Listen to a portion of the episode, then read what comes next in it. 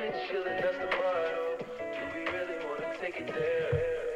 Girl, it's been too long, but would you do this? Har du sommar-vibe, Peppe? Det har jag verkligen. Har du det? Ja. Känner du den i kroppen? Ja, jag är så lugn här ute på landet. Ja. Det finns... eh, alltså igår träffade jag en farbror, en, en granne. Mm. Och han sa så här att man sover så gott här på landet för luften är så ren. Mhm. Och eh, jag tänker att han kanske hade en poäng i det. Nu är vi ju inte superlångt bort ifrån motorvägar och städer, men tror du ändå att liksom det är renare luft här? Eller tror du kan du, alltså är det inte någonting man säger bara? Att luften är renare på landet? Tror du inte att liksom avgaserna ändå har fördelat sig ganska jämnt på jorden nu vid det här laget? Det tror jag faktiskt inte. Jag tror det är en jättestor skillnad om man är i en stor stad eller om man är ute på vischan. Jo, men alltså en- ändå liksom något mått av. Alltså, du tror inte att det finns några avgaser här? Det var inte det jag sa. Jag tror, att jag tror att luften är renare här än i staden. Okej. Alltså herregud, nu är det du som backar tillbaka och vill ha lite rätt ändå. Du lyssnar på Magnus och Peppes podcast.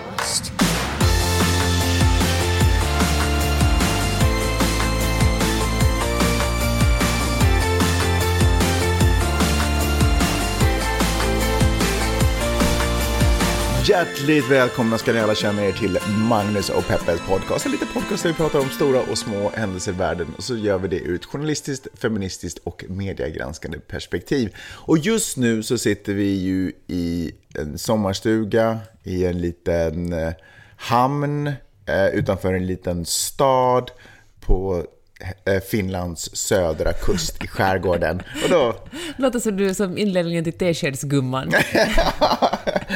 det, känns, det känns nästan lite så. Men är inte Ekenäs lite... Det skulle kunna vara skådis... Eller platsen, alltså scenen. Eller vad heter säger det? Raseborg nu för tiden. Ja, Raseborg. Hör du, eh, du har sommarkänsla i kroppen. Jag ser det på dig. Du, eh, dina ögon gnistrar som havet. Eh, och du är lite sommarförkyld, men det, sånt, får man, sånt får man ta. Men jag skulle ändå vilja, vi har ju varit i Norden i en vecka. Så hur har veckan varit? Ja, men det har varit en otroligt fin vecka. Mm. Jag har fått både Stockholm, Vi började ju precis, vi började ju i Stockholm, var där i några dagar, sen så åkte vi över, tog en jättefin båt över till, till eh, just det, Viking Glory. Du sa att det var som Titanic, alltså inte slutet på Titanic, Som men början, eller som drömmen om Titanic. Som drömmen om Titanic kan, det vara, kan man säga. Alltså, jag, jag ska väl kanske förvarna lyssnare nu att vi sitter ju som sagt i en sommarstuga, vi har barn runt omkring oss, vi har svärmödrar runt omkring oss, eh, renar, tänker jag. Eller djur överhuvudtaget. Ja, så det kan, vara lite, det kan vara lite ljud här. Men vi alla ska försöka göra vårt bästa för att vara tysta förutom vi. Skitsamma! Eh, så, ja precis. Så drömmen om Titanic, så var båten Ja, men Glory. lyxigt, stora fönster Mm. och liksom det var... Otroligt fin. Jag kände sådär gammaldags, modernt, lyxigt. Ja. Otroligt härligt. Jag önskar att fler eh, svenskar skulle ta sig över till eh, Helsingfors, eller Åbo som vi åkte till faktiskt, Ja. över till Finland. För att det Den är båten en- går väl inte till Helsingfors? Nej, den går mellan Stockholm och Åbo. Ja, men det kan jag verkligen rekommendera. Och eh, men så bodde vi på hotell inne i Får jag bara Helsingfors. säga, det är ett smart trix eftersom eh, sträckan Stockholm-Åbo är ju obviously mycket kortare än vad sträckan Stockholm-Helsingfors är. Och den, en av de finaste båtarna är på sträckan Åbo, vilket gör att man får ju hela tiden mer smak. Man är ju aldrig klar med båten när man kliver av. Det är ju sjukt smart Ah. Det är en liten teaser liksom. Ja, för jag tänker att om man har åkt hela vägen till Helsingfors, då är man så här, ja men det var kul, men jag, tyckte jag. Jag har sett det här. Ja, eller åtminstone efter en kryssning liksom, Mm. så känner man väl att man har sett det här. Smart. Smart är Viking Line. Du borde jobba på deras... eh, eller de behöver inte Nej, de behöver inte, de har redan löst det. Okej, men hur har Ja. Stockholm varit då? Nej, men nu, jag, var den i Helsingfors, Stockholm var underbart. mm, och eh, Helsingfors var jättefint också. Vi bodde på ett uh, otroligt trevligt hotell, St. George hette det. Hade vår traditionella sommarmiddag. Varje år ordnar vi en middag där vi bjuder in våra bästa vänner. De som kan komma kommer, de som inte kan komma kommer på Ser följande årsmiddag. Ja, men det är väl ett jättebra koncept som jag är väldigt stolt över. Och eh, sen hoppade vi bilen, hämtade upp min mamma och åkte ut på landet och här sitter vi nu och spelar in podd. Du har ju mycket att göra under, liksom, när vi är hemma i LA. Och jag känner att du har så mycket saker, så där borta så upplever jag att du har svårt att varva ner för kanske en helg, där i alla fall. Du är fortfarande inne i att hela tiden göra saker. Känner du att sommar ger dig möjlighet att varva ner? Ja, Jag hade tänkt att det skulle vara så, men eh, alltså just nu ser det inte ut så. Nej, är du ändå liksom pressad av jobb? Och... Jag är lite pressad av jobb. Men är du på riktigt pressad av jobb eller är du bara inne i ett sånt maner? Nej, jag är på riktigt pressad av jobb. Igår Mm. hade jag en sån jätteskön dag där jag bara läste. Jag läste en bok igår från början Mm. till slut. Det var så skönt. Och efter att jag läst den märkte jag att jag Men kunde... vänta, vadå, du läste en bok på en dag? Ja, men det var så skönt. Så att det, helt, det var nyår, det, nyår, nej, men midsommarafton, så ingen hörde av sig på hela dagen. Mm. Och så att jag läste den, och det märkte att bara det att jag läste den gav mig idé att jag ska skriva min nästa bok. Det var så skönt för hjärnan att bara liksom... Bara läsa, inte anstränga sig, bara hänga liksom löst. Får man prata om din nästa bok? Ja, Alltså att du ska skriva tredje delen i, eh, vad heter det, trilogin? Vad, vad heter den? Maja och Frank. Maja Alltså och en- Frank, så heter den? Okej. Ja, en barn... Eller, Ungdomsbok, Ja, otroligt roligt. Nu ska jag bara hitta på den också. Mm. Men det är på gång nu. grymt. Har du massa saker är på gång i världen också? Vi tar det nu. Ska vi börja med den eh, mörkaste Här har man precis haft midsommar. Eller egentligen sker det ju under midsommar, för i USA så bryr man sig inte om midsommar. Där tar man inte ledigt från dumma beslut.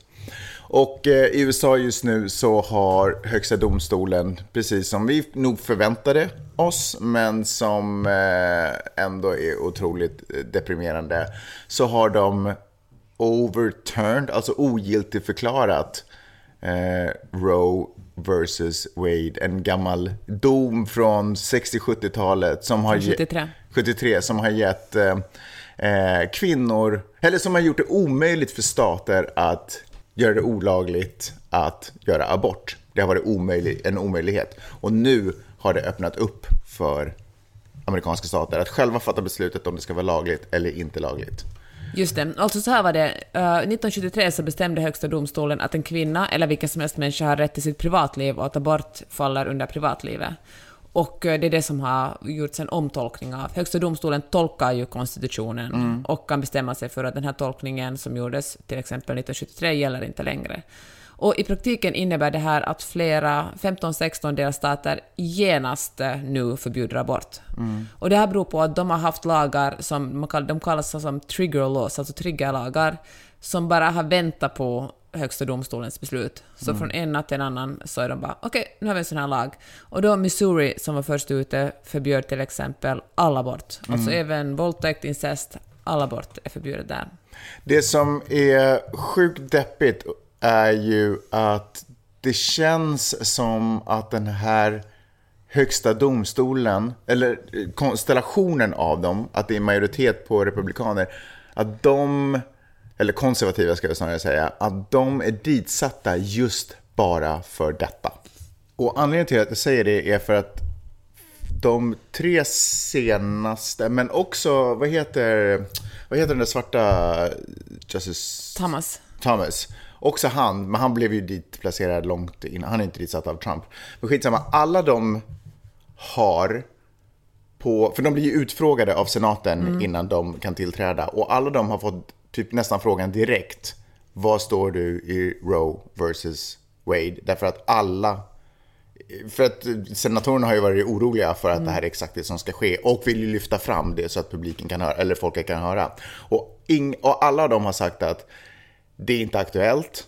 Eh, vi får inte glömma, eh, en av dem eh, sa att vi får inte glömma att det är en lag som testas ganska ofta och den är ganska tydligt, liksom, den är ganska sol. Alla de har typ ljugit om sin ställning till det. Det har de inte behövt göra om vapenlagar eller någonting annat. Men just här så har de velat dölja det för att kunna hijacka den nästan, fast det är ju en lame hijack. Men förstår vad jag menar? Det får mig att tro att det där har varit deras enda syfte. Det handlar ju om kvinnohat. Det är ju inget tvivel om den saken. Alltså när man överhuvudtaget började diskutera abort och abortmotståndet växte under 60 och 70-talet sammanföll det med en tid när allt fler kvinnor kom ut på arbetsmarknaden. Och eh, många män blev väldigt stressade av det här för de insåg plötsligt att de har konkurrens av kvinnor. Och ett jättepraktiskt sätt att inte ha konkurrens av kvinnor är ju att ha dem hemma och föda barn, att inte ha kontroll över sina egna kroppar. Och det var då man började, men, började vara aggressiv mot eh, abortkliniker, när man, eh, det var också på, på 70 80-talet som man verkligen började bomba abortkliniker. Alltså kan du förstå det? Som bomba och liksom hota abort, läkare som utförde aborter, alltså en massa, en massa alltså många sådana eh, blev mördade också den här tiden. För att det fanns ett sånt indirekt otroligt motstånd mot att kvinnor ska gå ut på arbetsmarknaden, eller överhuvudtaget att kvinnor ska få bestämma över sina egna kroppar. Det är så fruktansvärt deppigt. Det är verkligen en så mörk dag. Och det här är ju också någonting som i längden, det här har jag sagt tusen gånger i podden, men, eller du och jag har pratat om det här, det drabbar ju främst eh, people of color och det drabbar fattiga, ofta en, två grupper som överlappar varandra. Alltså rika människor kommer ju alltid att kunna få abort. Och det här kommer ju på inga vis att ta slut här. Alltså nästa steg är att ta bort uh, rätten för samkönade par att, uh, att uh, gifta sig. Garanterat. Till, till och med den här Justice Thomas har till och med skrivit ett utlåtande där han säger att det är nästa lag de ska granska.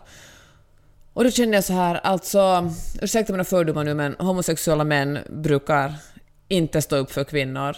Men äh, det ska bli intressant att se om kvinnorna står upp för, för samkönade äktenskap, i, vilket de antagligen kommer att göra såklart, för det är det rätta att göra.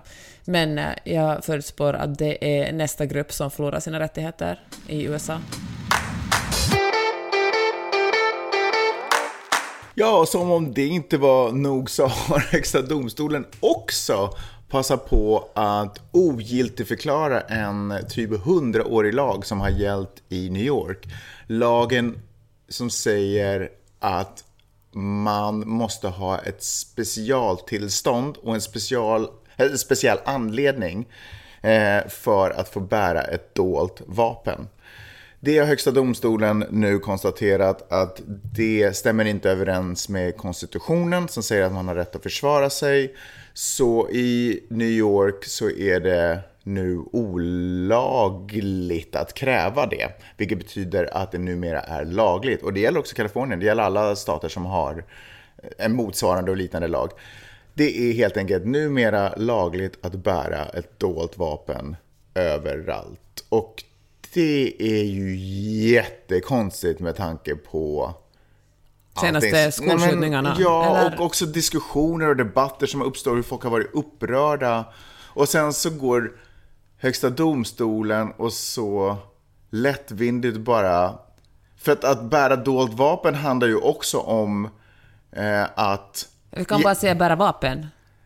Vad sa du? Bära vapen i allmänhet. Jo, jag vet, men det faktum att det är dolt gör det ju svårt för andra att, att kunna att se fara. Mm. Förstår jag menar? Att nu kan man ju vem som helst ha ett vapen under jackan och gå in på en tunnelbanestation.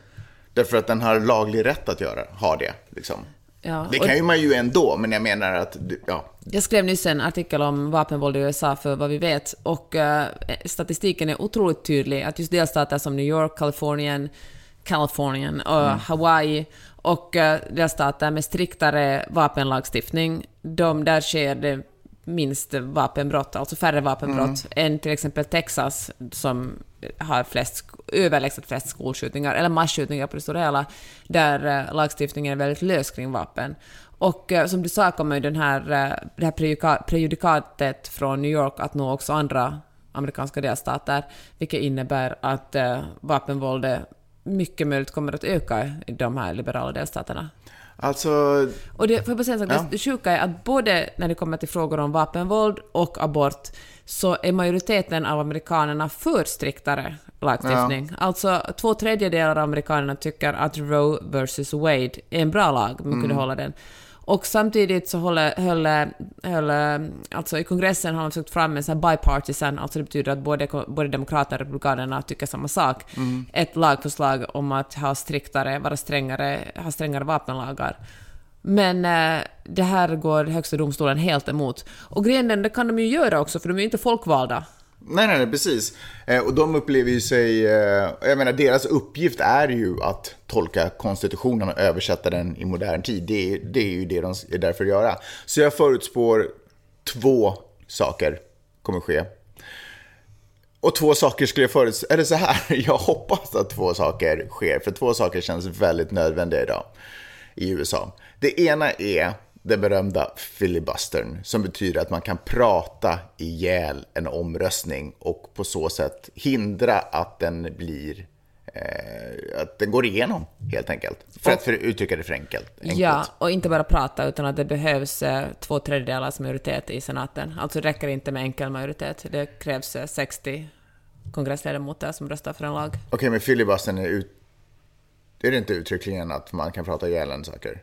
Eh, Okej, skitsamma. Eh, det ena är att den måste slopas. För det är ju också anledningen till att Trump kunde välja in tre eh, domare. Eh, och det andra är att konstitutionen måste läggas ner. Nej, men- Du förutspår att den ska läggas ner. Jag det är för- en ganska radikal Nej, men jag, förut, jag förutspår att det inte riktigt kan... eh, Att just det här... um, Eh, det är klart att det måste finnas en grundlag som man, som man tittar på, men att konstitutionen måste översättas till en modern grundlag och sen måste man lämna konstitutionen till museer, eh, människor som jobbar på museum och så jobbar man fortsättningsvis framåt utifrån den nya grundlagen. Alltså i praktiken typ skriver en ny konstitution därför att det är ohållbart att det var tredje generation sitter människor med olika inställning till till konstitutionen och att det överhuvudtaget egentligen är relevant och lagligt att man ska gå in och tolka konstitutionen ordagrant. Men det är ju också... Alltså 300 år senare. Men också de, för det finns ju, det som du syftar på är nu att vissa av de här eh, domarna säger att de är old school-domare som Ja. tolkar konstitutionen ordagrant och Ja. därför stiftas vissa, vissa lagar. Men eftersom varken abort eller den sorten, eller automatvapen nämns i konstitutionen så blir det också någon slags... Nej, men för då drar man ju vap- all vapen över en kam. Då är, det ju, då är ju samma musköt likvärdig med en M16 eller vad de nu tusan heter, maskingevär och alltihopa. Dö, liksom på riktigt dödliga saker. Vi har kommit ganska långt ifrån. Det är lite som att då kan man lika väl ha Bibeln. Alltså för det, nu börjar nästan tid, Ja, nu, nu är det snart lika länge sedan Ja. som Bibeln skrevs Ja, som, som verkligen. konstitutionen skrevs. Så då kan man lika väl bara använda Bibeln som tolkning. Och jag tycker inte att vi ska jobba med gamla dokument på det sättet. Men vet du vad ett stort problem är? Det är om Republikanerna vinner mellanårsvalet, vilket de har verkligen potential att göra. Då kan det här leda till att uh, de röstar igenom att hela USA ska få en, uh, alltså om man tänker på aborten, att förbjuda abort på en federal niv nivå. Ja, fast jag, jag hör vad du säger. Det är, ju, det är ju rädslan att man gör det enkelt för motståndaren då istället att driva igenom lagar. Men USA är huvudsakligen demokratiskt. Alltså anledningen till att de här konstiga lagarna, de här undantag, de här weirda 70-30% omröstnings... Det är ju för att republikaner väldigt sällan egentligen är i majoritet. Det är därför de här finns. De har ju varit otroligt skickliga i sitt oärliga spel på att få igenom de här... Du tänker på gerrymandering och, och hur man... Och allt det där. Så att om man sakta men säkert börjar jobba på att avveckla dem så tror jag att då kommer de andra segrarna komma tillbaka. Jag tror att vi, vi kan inte jobba med sakfrågorna förrän vi har styrt upp regelverket. För att vi måste jobba med sakfrågorna. men för- Herregud, det är ju människors Okej, liv Okej, om vi säger så här. Vi kan inte vinna sakfrågorna på lång sikt förrän vi har styrt upp regelverket. Ja, men det måste ju ske parallellt. Ja, det kan ske det måste parallellt. verkligen ske det kan ske parallellt. parallellt. För man förstår vad jag menar. Jag förstår vad du menar, det måste, att i grund och botten kommer vi att slå huvudet i väggen om vi bara, det kommer att komma fler och fler Ja. liknande situationer om inte själva lag, regelverket förändras. Så är det. Och dessutom så tror jag att det finns en mycket större chans att Demokraterna de facto vinner husen nu på grund av allting som händer i det här landet. Jag tror att väldigt många människor ser en, minori- kon- en otroligt konservativ minoritet styra och ställa just nu. Ja, men det handlar ju också om att demokraterna är så otroligt dåliga. De är så dåliga på kommunikation, de är så dåliga på att eh, styra upp sig själva, och de är alltså att organisera sig menar jag. Och de är så dåliga på att, eh, de är så ängsliga. De är sådär att om vi säger så här då förlorar vi kanske jättemånga röster, så vi lutar oss lite mot Republikanerna och det konservativa och så lutar vi oss lite mot vänster. De nu, borde... nu är det hård och överdriven. Nej, jag, är, så. vet du vad, jag säger verkligen inte det här för att provocera alls. Jag tycker genuint det.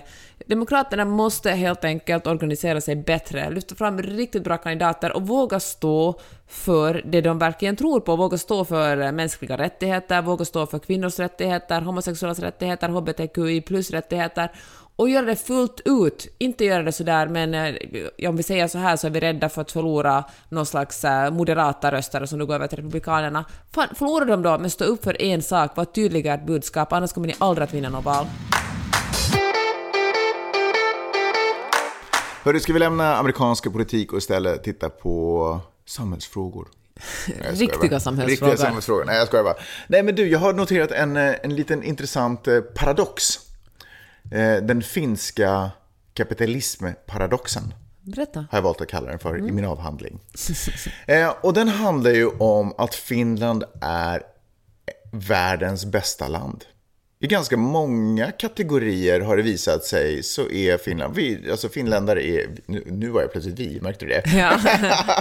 finländare är lyckligast, otroligt bra skola, eh, bästa polisen i världen, minst korruption, massa, massa kategorier som är nödvändiga och fantastiska för att man också ska toppa listan som världens lyckligaste folk. Eh, Så dominerar Finland. Sverige är ju, halkar ju bara längre och längre ner. Sverige har ju helt, helt tappat det. Men en, och, och en anledning tänker jag att det här är på det sättet är ju att systemet är så väl uppbyggt och fungerar så folk förstår till exempel varför man betalar skatt. Därför att man får tillbaka det ganska tydligt i och med sjukvård och skolgång och en skolgång som dessutom håller en kvalitet. I Sverige så har det ju på något sätt blivit ett moment 22 där man har varit så ängslig och sen har det förfallit och då förstår man inte heller varför man ska betala för det och då tar man bort pengar från det och då blir det ju förstås ännu sämre och så du vet den här onda spiralen. Men i Finland så har man lyckats hålla känslan av att kollektivet hjälper kollektivet det är inte liksom på individnivå vi kan styra upp saker, utan det är kollektivet som gör det. En väldigt sådär, ett, ett otroligt väl, borde vara posterboy för socialism i världen. Men Eller socialdemokrati kanske. socialdemokrati. Eh, inte nationalsocialism, det var inte det jag pratade om. Utan, Jag tror inte någon trodde nej, det. Nej, bra. Eh, men Finland, precis som många andra länder i väst, tittar ju också på USA, som i det här fallet får representera kapitalismens högborg. Där det är bara individen, där det är bara egenförsäljning som, som, eh, som skapar inkomst och som, kan, som jag sen kan översätta till vad jag nu vill ha. Om jag är orolig för mina tänder så lägger jag pengarna där. Jag är inte orolig för mina tänder men orolig för någonting annat för att jag inte har tillräckligt fina klockor så då lägger jag pengarna där istället. Liksom där det bara handlar om att där det inte finns något system som tar hand om en människa som blöder på gatan utan det måste vara en individ som går fram och gör en hjälteinsats som sen får rubriker i tidningarna. Och så, har vi, så kan man fortsätta göda och föda den här hjältebilden av som också hänger ihop med the American dream, att du som individ kan lyckas i det här landet och, bli, och lyckas är oftast synonymt med att bli multimiljonär. Och lyckas du inte, om du inte blir multimiljonär, har du bara dig själv att skylla. Absolut. Underligt nog så, så är det aldrig synonymt med att bli eh, otroligt sådär i inner peace med sig själv och finna sig själv på en kulle i en härlig eh, sarong. Det är aldrig att ha uppnått the American dream, även fast man kanske är den lyckligaste människan på jorden då. Tillbaka till Finland. För precis som alla länder som jag sa eh, så tittar man ju lite på, på kapitalismen. Det finns ändå, det har börjat gro den här drömmen om att kanske ändå vara rik och, och kunna tjäna pengar. Eh, och då har jag tänkt på en sak. Därför att det finns ju företag som har affärer och businessar och så har de, eh, där, där de säljer saker. Och i de här affärerna så står det människor och säljer saker. Nej, förlåt. Det gör det ju inte i Finland.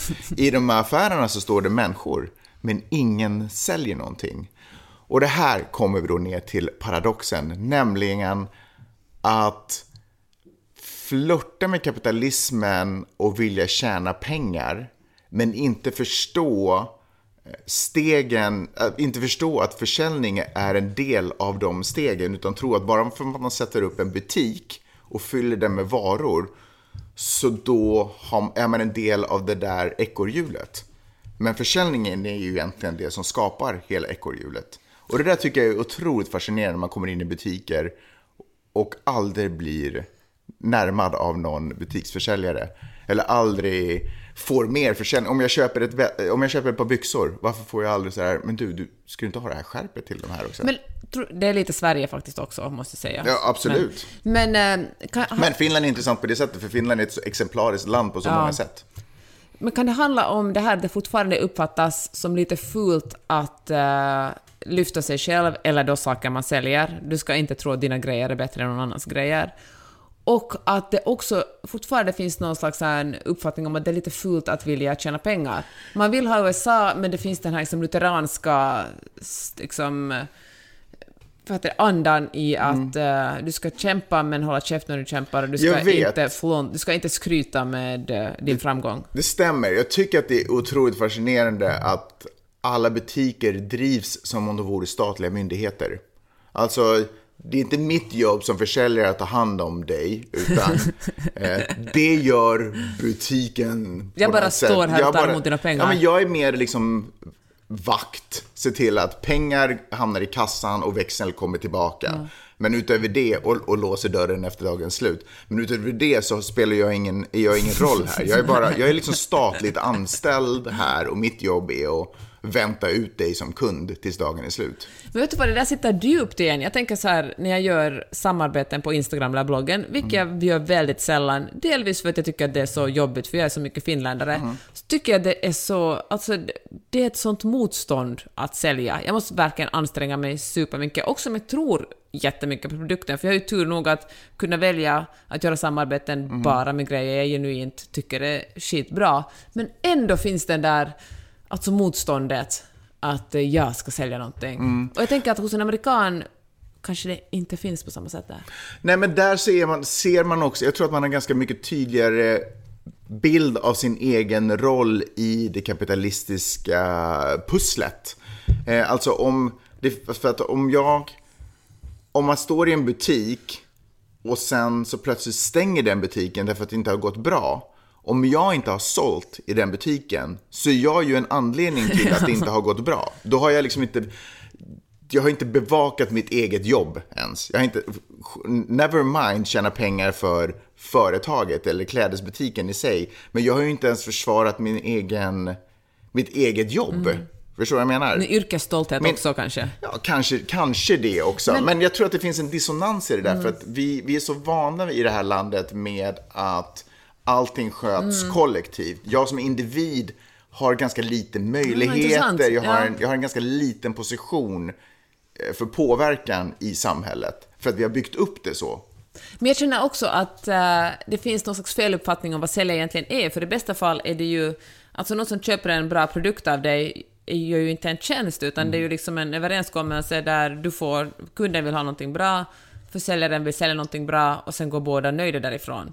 Det är inte så att när någon köper någonting så är det bara för att vara snäll mot dig. Nej, precis. Och det kanske också fattas här. Ja.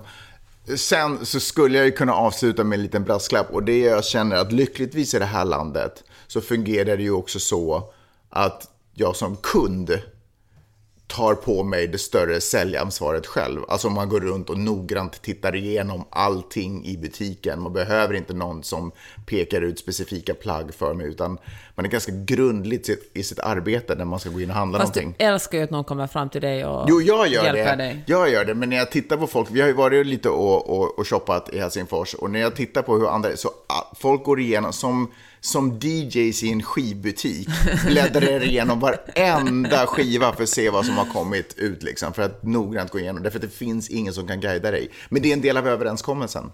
Mm. Ja, intressant spaning. Jag har tänkt på nörden. Och jag har tänkt på hur eh, vi under hela vår uppväxt växte upp med eh, historier där, eh, alltså den amerikanska, vi tar nörden, den amerikanska nörden och den amerikanska Mm. Tänker du jocken. The American Pie-nörden? Ja men exakt. Mm. Eller Can't Buy Me Love för att gå ännu längre tillbaka i tiden. Hur uh, den här historien byggs alltid upp så här att uh, det är en ung vacker kvinna som uh, flörtas med av, uh, som är lite intresserad av den här uh, vad heter det, amerikansk fotbollsspelande jocken. Och uh, så finns Det det... kommer aldrig bli en trailerröst. så den här filmen handlar, alltså, man kan säga att det är liksom som en nörd, och så är det liksom som en... Okej, på biografer den 25 In a november. world.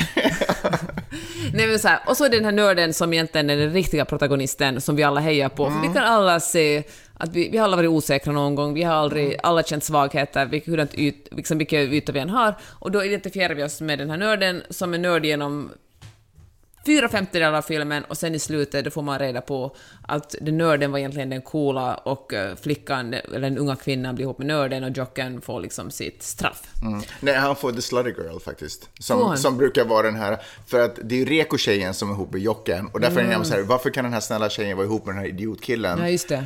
Eh, Men Reko-tjejen har också en slutty girlfriend. Som är alltså bara tar ansvar över sin egen sexualitet. Exakt. Eh, och då blir Jocken alltid ihop med dem, med henne, för de är mer kompatibla. Hur som helst, i riktiga världen så är ju nördarna de största kvinnohatarna. Alltså det är ju incels som är nördar. Just det. Alltså det är ju de som sitter vid sina datorer och eh, hatar kvinnor för de tycker att kvinnor är skyldiga att vara ihop med dem och ge dem sex. Medan de här männen som är sportiga eller framgångsrika ser inte att de är så himla bra alltid, men de är åtminstone ärliga med sitt uppsåt. De fejkar inte och liksom de... Ja men de har inte, tror jag, tänkte säga att de inte har ihjäl kvinnor på, i samma mått som nördarna har, men det vet jag faktiskt inte. Alla män har generellt ganska mycket ihjäl kvinnor. Ja, där tror jag inte det spelar stor roll om man Nej. är jock eller nörd. Nej, men jag menar bara att, eh, att myten om den här nörden som den bästa en kvinna kan få är helt falsk. Men gud, betyder det att alla de här filmerna egentligen har gjort eh, nördarna en otjänst? Och istället för att låta dem... Alltså nu pratar vi... Och, när vi, och egentligen om vi ska vara helt ärliga, om vi pratar om nördar så pratar vi om alltså folk som sitter i sin eh, mammas källare och spelar tv-spel till, till liksom, och dricker Coca-Cola bara på dagarna. Vi pratar ju om de som är socialt inte stabila och kanske inte mår så Alla- bra ja, överhuvudtaget. Alltså, en nörd kan ju vara någon som bara är jävligt duktig på någonting. Ja, men alla fattar det. Okej, okej, okej, och man kan vara duktig på någonting och liksom vetenskap och duktig på amerikansk fotboll Men också. betyder det att de här filmerna har gjort den sortens män en enorm otjänst som målat upp dem som de riktiga hjältarna? Men kanske de har verkligen, de har gjort oss alla en otjänst, men de har kanske också satt förväntningarna på nördarna lite väl högt. De tänker att om jag bara jag tänker ännu mer så incel att jag förtjänar att vara en kvinna. I allt jag har, all den eh, populärkultur jag har vuxit upp med så är det personer som jag som ska få kvinnan på slutet för att jag är en så bra person och när jag inte får den så då ska jag straffa kvinnorna. Men vet du en grej som jag också tycker har liksom dis, blivit distorted? Och det är ju att de här filmerna handlar ju inte om att jag ska få en kvinna. Det handlar ju om att jag ska få uppleva kärlek. Det är det det handlar om. Men det har blivit liksom förvrängt till att jag måste ha sex. Och att jag har rätt till sex. Liksom de här unga männen i, männen i filmerna, filmerna, de här nördarna, de blir ju kära och försöker vara med på platser och försöker närma sig och fumligt och trevande precis som man gjorde när man var tonåren. För att försöka liksom hitta och kalibreras i hur man finner kärlek. Nej. Nähä. Det handlar om att kvinnor är någon slags attribut som männen ska få i sitt projekt att förverkliga sig själv. För det hör det till att man ska ha en snygg kvinna vid sin sida. Nej, men kvinnorna... Men kärlek är ju som- fortfarande en verklig sak. Ja. Den har inte tagit, den har inte försvunnit bara för att Roe vs Wade av... eh, dis, Nej, jag säger inte att kärleken är död. Och jag talar inte om abortfrågan nu, men jag menar bara att kvinnorna är ofta någonting som någon slags belöning eller pris som männen får på slutet, för då är de verkligen lyckade. Det är liksom det ultimata tecknet på att man är framgångsrik och lyckad, man får den snyggaste tjejen i skolan. nej, Ja, nej, ja. det ha- Hur pris- ofta handlar det om liksom pris- kvinnornas kärleksliv Nej men, pri, nej, egentligen? men därför att det är, okej, men det kan man ju diskutera. Det är klart att det är berättat ur deras perspektiv. Jag menar, det skulle ju kunna komma en del två som handlar om hur såg hon på det hela genom det hela gör det resan. aldrig. Nej, det gör det aldrig. Nej, men, det- för- nej, men det är ju ett annat problem. Få de här filmerna handlar om... Nej! Jo, men det är ju ett annat problem. jag tycker att det är annat samma problem faktiskt. Nej, du kan inte, du kan inte, lik, du kan inte jämställa en berättelse med de som med, med varför de berättas. Det är två olika saker. Nej, jag håller verkligen inte med om det. Alltså jag tycker att kvinnorna har så passiva roller och de är som alltid objektet. Men det, handlar, det är ju en stor del av samma problem. Men det är ju att- misslyckande i historieberättandet. Du tar ju inte bort verkligheten i historien, så Nej, att det är säga. patriarkatet, så här funkar det. Vi är liksom bara någon slags bifigurer Ja, i den men- stora berättelsen. Och vänta, får jag bara säga att om populärkulturen bara berättar samma sorts historia och samma perspektiv hela tiden, så blir det ju så. Då liksom upplever vi att eh, kvinnor är biroller, sitter i biroller i hela vårt samhälle. Men jag skulle ändå... Jag, jag, jag insisterar på att det inte handlar om att deras resa, dramatiska kurva, inte handlar om att de ska få en kvinna i egenskap av ett pris. Utan priset är att få den besvarade kärleken.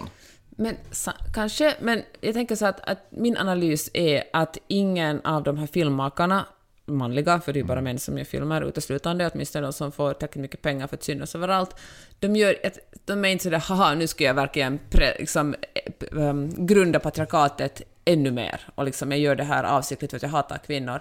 Utan jag tror att man gör det omedvetet, men så bara bekräftar man en rådande kultur och ett rent rådande sätt att berätta historier. Och vare sig det är avsikt eller inte, så skapar det ändå ett visst mönster och liksom en struktur i hur vi ser på världen. Det är sant. Men jag tycker att om man argumenterar så som du har gjort, att kvinnan hela tiden blir ett pris, då stämmer din analys. Men om man tittar på den här berättelsen som en berättelse om att få besvarad kärlek, då faller den helt och hållet därför att Jocken har de facto den här kvinnan bara för att hon är vacker. Och inte för att hon också i hjärtat är en nörd. Medan nörden ser henne för den hon egentligen är och vill ha den besvarade kärleken. Jag håller inte med dig. Alltså, jag tycker det är en otroligt vacker tolkning. Men jag håller verkligen inte med dig om det. Jag tycker att kvinnan får man väldigt sällan se vem hon egentligen är och vad hon har för behov och drömmar. Det är för att jag lever i en vacker värld och du Peppe, din värld, den är skruttig.